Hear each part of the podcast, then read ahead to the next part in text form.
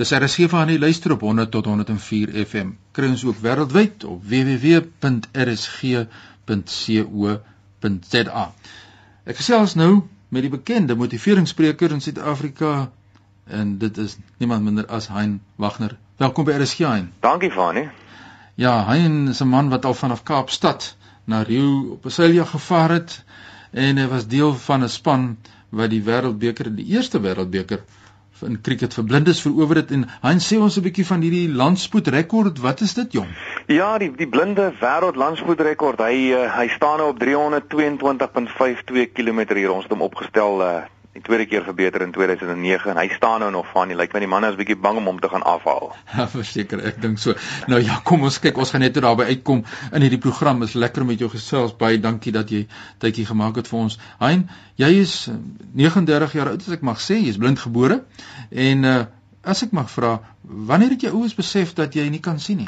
Weet jy van ek was seker so 6 maande oud toe hulle besef maar luister hulle skud goed hier voor my oë my oë volg dit 'n uh, rattle of wat ook al en hulle sê maar kyk hulle sal maar kyk of laat kyk wat aangaan. En um, ek is ek is gebore met Leber's congenital amaurosis LCA wat basies 'n baie erge vorm van retinitis pigmentosa is. So basies die retina het nie ontwikkel nie. Nou ja, uh, ons gaan dat tyd in die program is gaan ons bietjie gesels oor, jy weet, mense wat blind gebore is, mense wat later hul sig verloor en dis meer is dat tyd is, maar kom ons fokus uh op jou familie, jou ouers. Jy weet dit is baie belangrik uh, ons ontwikkeling as mense met gestremthede in die aard van die saak is dit 'n skok vir ouers en hoe het hulle jou blindheid hanteer? Weet jy, hulle het my so ver as wat vir hulle menslik moontlik was, soos 'n normale siende kind groot gemaak. Daar was maar sekere safety nets en goed in plek om seker te maak. Dis nou maar by wyse van spreuke om seker te maak dat dat dit ek gaan okay wees. Maar wie wat hulle het my toegelaat om bome te klim om op my broer se fiets te klim en dit te doen en daai te doen en ek dink ek is wel ewig dankbaar daarvoor. Ehm um, dat dat hulle wel vir my net die normale goed laat doen wat wat 'n klein seentjie sou doen. Hulle het maar dop gehou en seker gemaak jy weet daar gaan nie ernstig fout met my nie, maar daarvoor is ek vir hulle ewig dankbaar.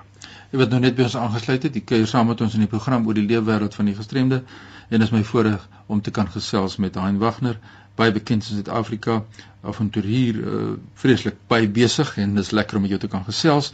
Ons kyk terug na jou leefwêreld en jou lewe 5 jaar oud toe jy Woester toe gegaan, pionierskool vir blindes. Was dit moeilik vir jou op daai stadium? Dit was net verskriklik moeilik. Weet jy, ek ek kon nie glo dat my maale my op daai ouderdom wegstuur van die huis af. Dit was vir hulle nog moeiliker, maar vir my was dit erg want want jy weet die eerste 5 jaar van my lewe terug by die huis kon ek maklik my pad kry na die badkamer toe, na die kombuis toe, terug na my slaapkamer toe, daai diep donker grot wat ek nooit wou verlaat het om regtig die die die skerp ligte van die samelewing in die oë te staar. Maar ek was daar en ek is daar in en ek het daar aangekom en ek kies ek het die kinders maak allerlei geluide en klap hulle tong en ek bel toe bestaar my ma sê mamma as dit 'n skool vir blinde kinders of 'n skool vir mal kinders wat gaan nie aan nie. Dit is kom wel agter maar wie wat ek het maar my tong opklap anders loop al die klomp blindes in my vas so dit ons mekaar leer verstaan op skool en weet jy my hoërskooljare ag dit was vir my fantasties jy weet die die die onderwysers daar het regtig vir baie baie spesiaal ek het ongelooflike vriende gemaak op skool en dit was eintlik vir my toe weer baie erg om na matriek weer terug te wees in die in die by die huis, jy weet terug in die Kaap, is my net weer so erg want nou is ek met tussen al my blinde pelle wat ons ons het die wêreld beheer af van die van die blinde skole of die wêreld het net nie geweet nie.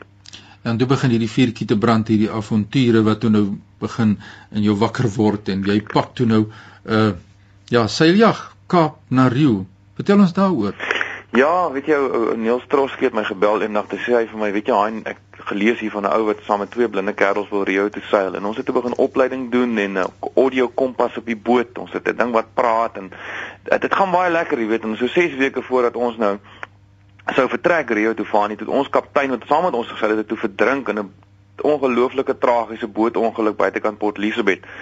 In elk geval ons soek toe nou hoog en laag vir iemand om saam met ons op die boot te klim en Rio toe te seil want ons wil nou graag die kerel se visie uitlewe en glo nou vir my dat ons kon niemand oortuig om saam met ons op die boot te klim nie. 'n Week voor ons die wegtrek, die enigste man wat ons te kon oortuig is toe 'n dowe kerel hy yes. stem toe in om saam met ons oor te stel. Dit was 'n ongelooflike ervaring. Dis nou interessant. Ons was bietjie skaaf in ons kommunikasie toe, maar dit was geweldig, geweldig, geweldig interessant. Ja, ek kan dit glo nou die blinde en die dowe.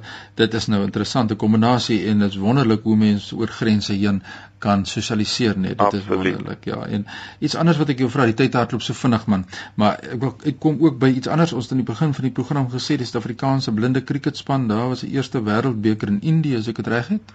Dis reg. Ons in 98 het ons gaan deelneem en ons het die eerste keer gaan speel in die wêreld wêreldbeker vir blindes en Suid-Afrika het die die, die wêreldbeker gewen. Weet jy dit was vir my die ongelooflikste ding toe ek daar van die veld afstap en met myself dink, jy weet, wat 'n voorreg is dit om my land op die hoogste moontlike vlak te kan verteenwoordig. En dan kom die vraag natuurlik by jou ou op, jy weet as jy kon sien, sou jy daai voorreg gehad het. Dit is moeilik om te antwoord, maar weet jy wat, daai genot wat deur my hele wese gegaan het daai dag om te weet ons het die eerste beker vir die land gewen, was so ongelooflik dat ek dit vir niks sal verruil nie. Nie eers die moontlikheid om te kan sien nie. Ja, dit is Hein Wagner wat so lekker gesê as Hein hierdie program word ook adverteer op ons webtuiste en iemand vra hier uh jy breek toe die blinde landspoedrekord en eers laat jong ons praat hier van 322.5 km per uur dis 'n dis mos verskriklik. Uh, iemand vra was dit vrees aan jaand of wat sê jy hoe sê dit beskryf? Om by minste te sê dit was. En uh, ek dink net so vir die kerel wat in die passasierssitplek langs my was om vir my te beduie waartoe om te gaan. Ongelooflike man. Hy het nou al twee twee geleenthede saam met my gery en en twee keer die wêreldrekord gebreek. En uh jy weet hier bo kan 300 km/h gebeur. Daar's naaks so goed met jou liggaam. Jy weet in elke haartjie wat op jou lyf is dat jy teen 300 km/h vorentoe beweeg. En dit was ongelooflik. Dit was iets ongelooflik om aan te pak. Natuurlik baie gevaarlik, maar ek het my ook die regte mense rondom my gekry om my te help en assisteer. En weet jy, ek het soveel mense ontmoet wat so wat glad nie selfsugtig is, wat enigiets sal doen om jou te help om jou droom uit te lewe. Ja, dit is 'n wonderlike voorreg soos wat jy sê. Ek volg ook uh, jou lewe op Facebook en ons kyk gesels mekaar daardeur, maar uh, ek sien jy die Eysterman kompetisie kompetisie, jy moet hom seker fiks wees jong. Ek glo daaraan om fiks te bly, weet jy, ek, ek dink as ou die basiese fisiese fiksheid behou, dan dan in in jou lewe, dan gaan jy die energie hê om om om om jy weet die buitengewone goed wat ou wil te bereik en heel waarskynlik om enigiets te bereik sou in die helfte van die in die helfte van die tyd kan doen. So ek glo daaraan om fiks plus my baie lekker om te kan deelneem en daar's baie mense wat nie die voorreg het om dit te kan nie. Vir my is dit ongelooflik lekker om in vir al die goed deel te neem waar jy swem, hardloop en fietsry en ek het ongelooflike mense wat my help en assisteer en ondersteun daarmee. En in dieselfde tyd kry ou die geleentheid om die om die die die vermoëns van van gestremde mense te bemark. Ja, en uh, natuurlik daardie ondersteuningsbasis wat jy het wat jy gesê het wat net nou die goeie mense wat hier rondom jou versamel. Dis baie belangrik daardie ondersteuningsbasis nê. Absoluut, absoluut van ek en ek is vir hulle ewig dankbaar. Ja, waar ek self bevind vanmiddag, is lekker om te luister na die leefwêreld van Hein Wagner en ook die erkenning wat hy gee ten spyte van hierdie prestasies wat hy self behaal aan die mense wat hom dra om daar te kan kom. En nou hoor ek hier uh dat mense sê jy beplan nou om 'n Boeing 747 vanaf Londen na Suid-Afrika te vlieg. Wat op aarde beteken dit? Fanie, ja, die mense mag dalk vra, "Hein, hoekom pak jy in die eerste plek al die al die mal avonture aan. Behalwe die feit dat ek baie lief is vir die buitewêreld en vir avontuur. Ons het 'n van ons het 'n trustfonds gestig in 2008 wat ek begin het en die hoofdoelstelling van die fonds is om die wêreld soos om ken meer toeganklik te maak vir die vir die gestremde. Nou wat dit basies beteken is iemand die kan bekostig om die sagteware te, te aan te koop wat hy vir sy rekenaar nodig het om die skerm te lees soos byvoorbeeld JAWS nie. In die geval dat die ou nou blind is, sal ons as hy aansoek doen aan die trust sal ons hom help en kyk of ons nie vir hom die sagteware of die rekenaar kan kry wat hy benodig. Het ek gesê maar hoe kan ek watter avontuur kan ek aanpak om 'n miljoen pond in te samel vir die organisasie? Wat 'n klomp geld is. So my my my my plan en my doelwit is om 'n 747400 van Londen af te vlieg as die loods na Suid-Afrika. En nou die rede daarvoor is natuurlik om die geld in te samel. Hoe gaan ons dit doen? Ons gaan 400 kaartjies verkoop aan top besigheidsmense en uh, uh bekendes rondom die wêreld om saam met my te vlieg. En ek bly altyd vir die mense sê, you know, if I'm going down, I'm not going down on my own.